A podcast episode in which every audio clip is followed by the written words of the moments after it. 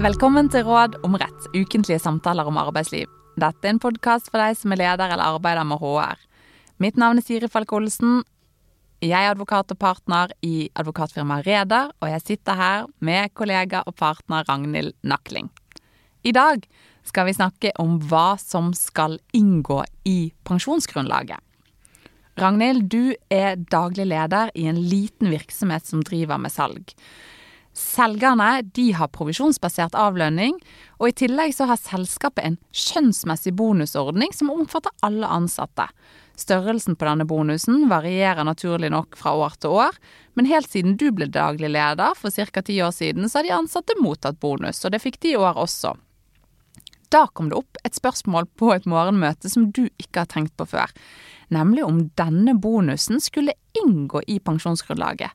Spørsmålet satte nok i gang tankeprosesser hos flere ansatte, for dagen etter så fikk du e-poster med spørsmål både om provisjonen selgerne får utbetalt inngår i pensjonsgrunnlaget, og om overtid inngår i pensjonsgrunnlaget.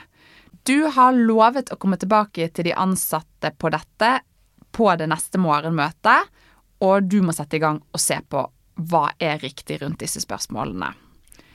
Du vet at virksomheten har en innskuddspensjonsordning, men ellers er du veldig blank på temaet pensjon.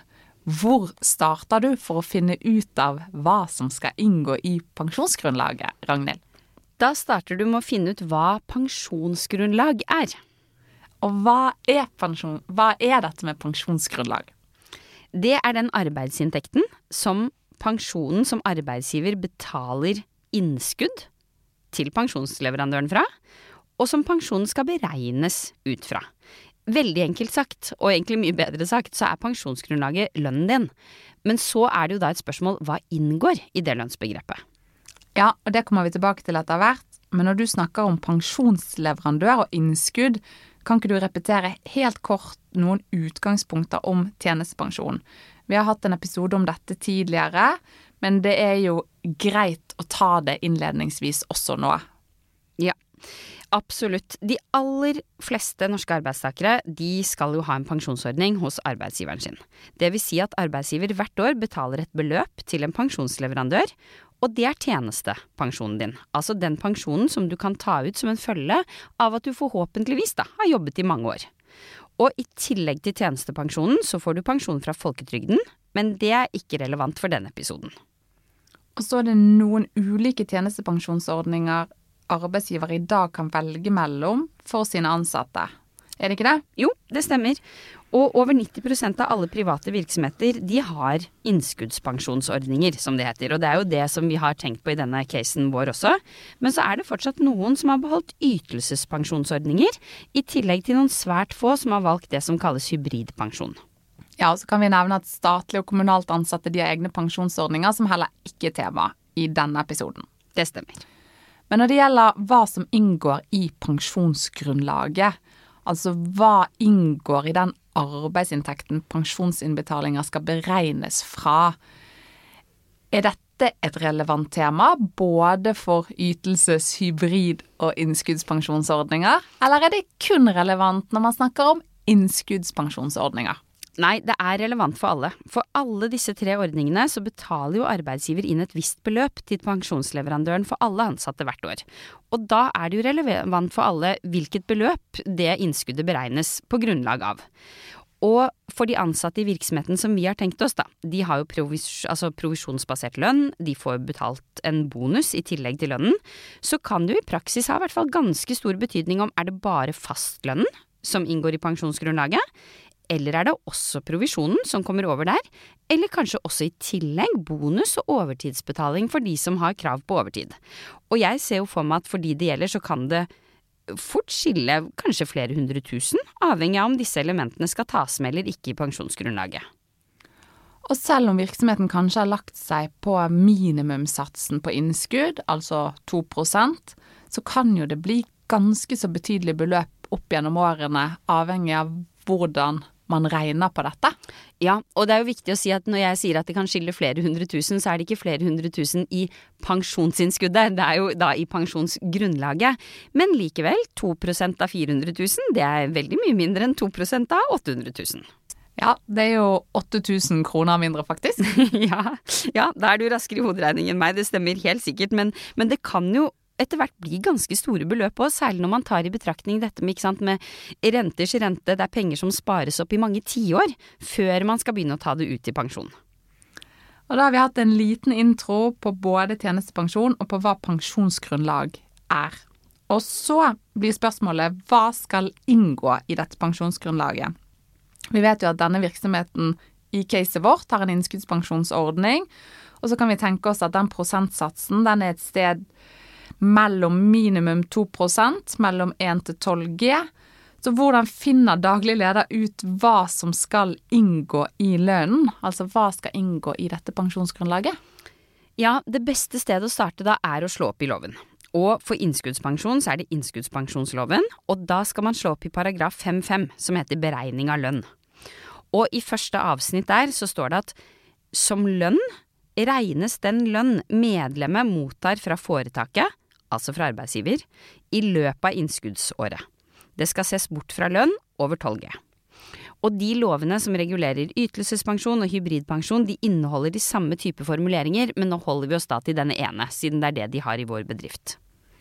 Så det vil si at i utgangspunktet så inngår alt en arbeidstaker mottar fra arbeidsgiver mellom 1 og 12 G i lønnsbegrepet, altså i pensjonsgrunnlaget. Blir det riktig? Det stemmer. Men så er det sånn at det utgangspunktet, det er det ikke mange arbeidsgivere som følger. For de benytter seg av en mulighet til å unnta en del ting fra pensjonsgrunnlaget. Og det åpnes det for i andre avsnitt i paragraf 5-5 i innskuddspensjonsloven. Der står det at i innskuddsplanen kan det fastsettes at det for alle medlemmers lønn skal ses bort fra godtgjørelse for overtid, skattepliktige naturalytelser og utgiftsgodtgjørelser eller andre varierende eller midlertidige tillegg. Og dette unntaket, da, som regner opp masse ting, for å si det enkelt, som man ikke trenger å ta med når man beregner pensjonsgrunnlaget, det eh, står i de aller, aller fleste innskuddsplaner. Så hvis vi bryter opp denne bestemmelsen som du nå eh, siterte fra, vil det si at det er stor sannsynlighet for at svaret til de ansatte i virksomheten i vårt case vil være at dere får ikke beregnet pensjon av overtidsgodtgjørelsen. Er det et sannsynlig svar, basert ja, på din erfaring? Absolutt, absolutt. Altså selvfølgelig så må jo daglig leder, når hun nå har satt seg ned for å se på dette, da, hun må sjekke avtalen med pensjonsleverandøren, hun må sjekke innskuddsplanen, men det er veldig sannsynlig at det står at overtid ikke skal inngå. Så selv om f.eks. en av de ansatte i fjor mottok la oss si 50 000 da, i overtidsgodtgjørelse året i forveien, så pensjonsopptjeningen på den overtiden, det var sannsynligvis null kroner. Da har den daglige lederen vår i hvert fall funnet svaret på ett av de spørsmålene som skal tas på neste morgenmøte. Men hva med provisjon? Er det like enkelt? Nei, og, og, jeg kommer til det straks, men jeg tenker også at jeg skal på en måte minne om dette andre som jeg leste opp, som var dette med at de aller fleste arbeidsgivere har jo også benyttet seg av adgangen til å unnta skattepliktige naturalytelser og utgiftsgodtgjørelser, som ikke er så veldig enkle, enkle formuleringer, men det er jo da for eksempel hvis arbeidstaker mottar varer, har aksjer, fri telefon, bilgodtgjørelse, de, eh, det, den verdien det utgjør, da, det inngår ikke i pensjonsgrunnlaget. Også det er det veldig vanlig at det er gjort unntak for. Og provisjonen, hva med den? Ja, vi er fortsatt i loven. Vi er fortsatt da i paragraf 5-5. I andre avsnitt i bokstav A så står det da at også varierende eller midlertidige tillegg kan unntas fra pensjonsgrunnlaget. Altså at man ikke beregner pensjon av det. Og da blir det jo sånn at hvis provisjonen er et varierende eller midlertidig tillegg, så kan det unntas. Hvis ikke, så skal det inngå. Og for de selgerne som gjør det bra og får mye provisjon, så får de jo da et betraktelig høyere pensjonsgrunnlag. Og akkurat på dette punktet er vel der man har sett en del tvister og uenigheter. For hvordan kan man egentlig ta stilling til om det er snakk om et varierende eller midlertidig tillegg? Hva er vurderingstemaet her? Ja, det er, dette er jo det man kanskje kaller advokatmat, for her er det, det er en god gammeldags ordlydsfortolkning. Man må kombinere med å se på andre relevante rettskilder, man må se på forarbeidene til loven, rettspraksis, reelle hensyn. Men denne daglige lederen vår har vel kanskje ikke noe ønske om å ta, ta hele jussen i bruk, så for han er vel svaret det mest relevante. Hva vil du si i dette konkrete eksempelet? Ja, i dette konkrete eksempelet så var jo daglig leder en dame, da, men heller ikke hun vil, vil nok ta jussen. Så jeg tenker at det, selv om vi skal ta noen forbehold, så ville jeg sagt til henne at provisjon, det inngår i pensjonsgrunnlaget. Fordi, kan du forklare hvorfor? Ja, det er fordi at det er vanskelig å betegne provisjonen som et midlertidig tillegg. Eh, da forutsetter jeg at provisjonsavlønningen f.eks. fremgår av arbeidsavtalen til den enkelte ansatte, sånn at virksomheten da ikke ensidig kan si at nei, nå avvikler vi provisjon, vi innfører istedenfor bare fastlønn f.eks. til selgerne. Ja, men provisjonen kan vel ses på som et slags varierende tillegg, eh, i forhold til at det vil jo nesten alltid variere en del hva den ansatte mottar i provisjon? Eller hva tenker du? Ja, jeg er enig, og i hvert fall i denne saken så var det jo sånn at lønnen til selgerne rett og slett besto i sin helhet av provisjon. Og hvis man da trekker ut provisjonen fra pensjonsgrunnlaget, ja da er det jo ikke noe igjen, da. Og det har ikke vært hensikten med å innføre obligatorisk tjenestepensjon, så i dette selskapet så kan man i hvert fall ikke unnta det, da. Ok, men la oss si at avlønningen ikke ikke var 100% provisjon, men la oss si at de hadde en fast lønn, og så provisjon på toppen for x antall salg over det. Vil den type provisjon inngå i pensjonsgrunnlaget? For det er jo kanskje en litt vanligere form for avlønning, at du har en litt lav fastlønn, men litt provisjon på toppen avhengig av hva du presterer. Hva, hva med den provisjonen? Ja, og vi laget jo et litt enklere utgangspunkt for oss selv, fordi at du har helt rett, det vanligste er den type provisjon som du skisserer der. Det hadde vært veldig greit å si ja eller nei på spørsmålet om inngår provisjonen i pensjonsgrunnlaget, men den daglige lederen her må jo tåle at vurderingen blir litt mer skjønnsmessig. Men til gjengjeld så kan den i hvert fall slås litt sammen med det spørsmålet hun har fått om bonus inngår i pensjonsgrunnlaget. Og hva er utgangspunktet for vurderingen av bonus? Hvordan finner hun ut av dette? Da er det en høyesterettsdom som er veldig relevant. Eh, Nattilleggdommen heter den. Og den satte, ga noen utgangspunkter. Spørsmålet i akkurat den saken gjaldt et skifttillegg, et nattillegg, om det skulle inngå i pensjonsgrunnlaget. Og i den bedriften hadde de ytelsespensjon og ikke innskuddspensjon, men det er de samme momentene som man må vurdere. Og Høyesterett la da først og fremst vekt på tre forhold. Det ene var om det aktuelle elementet, altså provisjon eller bonus eller skifttillegg, inngikk som et varig og fast element av lønnsordningen. Det andre elementet var om opptjeningen var regelmessig. Det tredje var om de aktuelle utbetalingene, altså utbetalingene da, det, det, man lurte på skal det inngå i pensjonsgrunnlaget, om det inngikk som en, en ikke uvesentlig del av lønnen.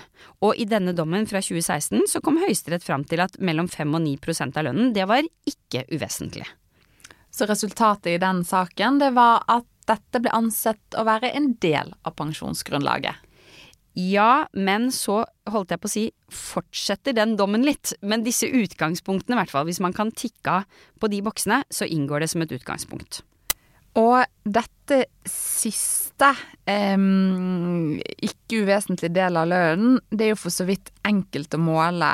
Men når er provisjon eller bonus et varig og fast element av lønnen, hvis man skal si noe om det kriteriet? Ja, det er jo i hvert fall et varig og fast element da, hvis det står i arbeidsavtalen at selger du x produkter, så har du krav på y provisjon eller bonus.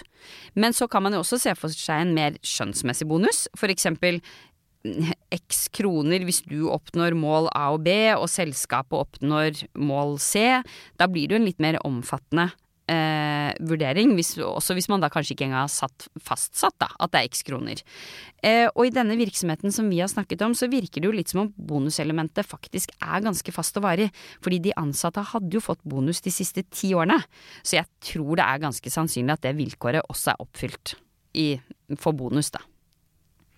Og hva med dette vilkåret om regelmessig opptjening? Én ting er provisjonen. Jeg ser for meg at vilkåret også der vil være oppfylt. Men bonusordninger kan jo være veldig ulikt innrettet, og det er jo sjelden sånn at man får utbetalt samme bonus hvert år. Det kan variere veldig fra år til år, og i prinsippet så vil det jo noen ganger være mulig å ikke motta bonus i det hele tatt. Og det taler vel mot at opptjeningen kan sies å være regelmessig, heller for at man må kunne kalle tillegget varierende, akkurat det som loven sier man kan unnta hva tenker du der? Ja, jeg tenker at det er jo viktig da å se på hva Høyesterett har sagt, og de, de understreker i den nattilleggdommen at selv om det står varierende tillegg i loven, så sikter man ikke da på variasjon knyttet til størrelsen på beløpene som utbetales, for som du selv sier så vil jo bonusutbetalinger som oftest egentlig alltid variere. Og førstvoterende eh, i høyesterettsdommen skriver jo at det har ikke vært meningen å unnta provisjon og bonus fra pensjonsgrunnlaget bare fordi utbetalingene varierer fra år til år, når det likevel kan ses på som regelmessige deler av totallønnen. Så det taler jo faktisk mot at bonus i seg, da, er et varierende tillegg som kan unntas pensjonsgrunnlaget. Selv om jeg tror at man vil absolutt kunne finne type bonuser som kan unntas, men det blir jo da en konkret vurdering.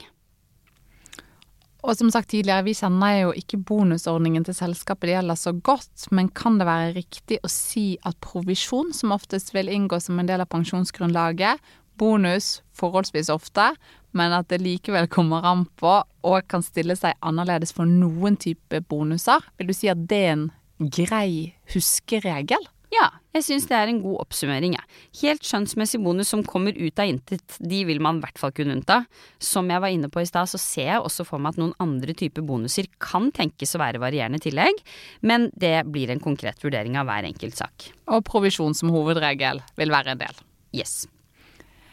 Den daglige lederen vi tenkte oss har nå likevel fått noen utgangspunkter med seg til neste morgenmøte, og hun har vel fått noen svar også. Overtid kan unntas fra pensjonsgrunnlaget, mens utbetalt provisjon og sannsynligvis også bonusutbetalingene skal tas med. Så Ragnhild, da får vi avslutte som vanlig. Tre tips til de som skal finne ut hva som inngår i pensjonsgrunnlaget.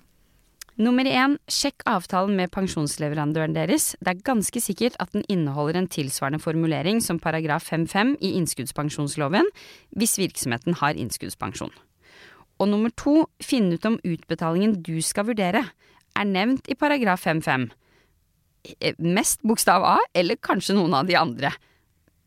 Og når du skal vurdere om noe er et varierende tillegg eller ikke, så må du se på om det det gjelder er et varig og fast element i lønnsordningen, om opptjeningen er regelmessig, og hvor stor andel av totallønnen det tillegget utgjør. Det var det vi hadde. Takk for i dag. Vi kommer tilbake med nytt tema og nye tips i neste episode.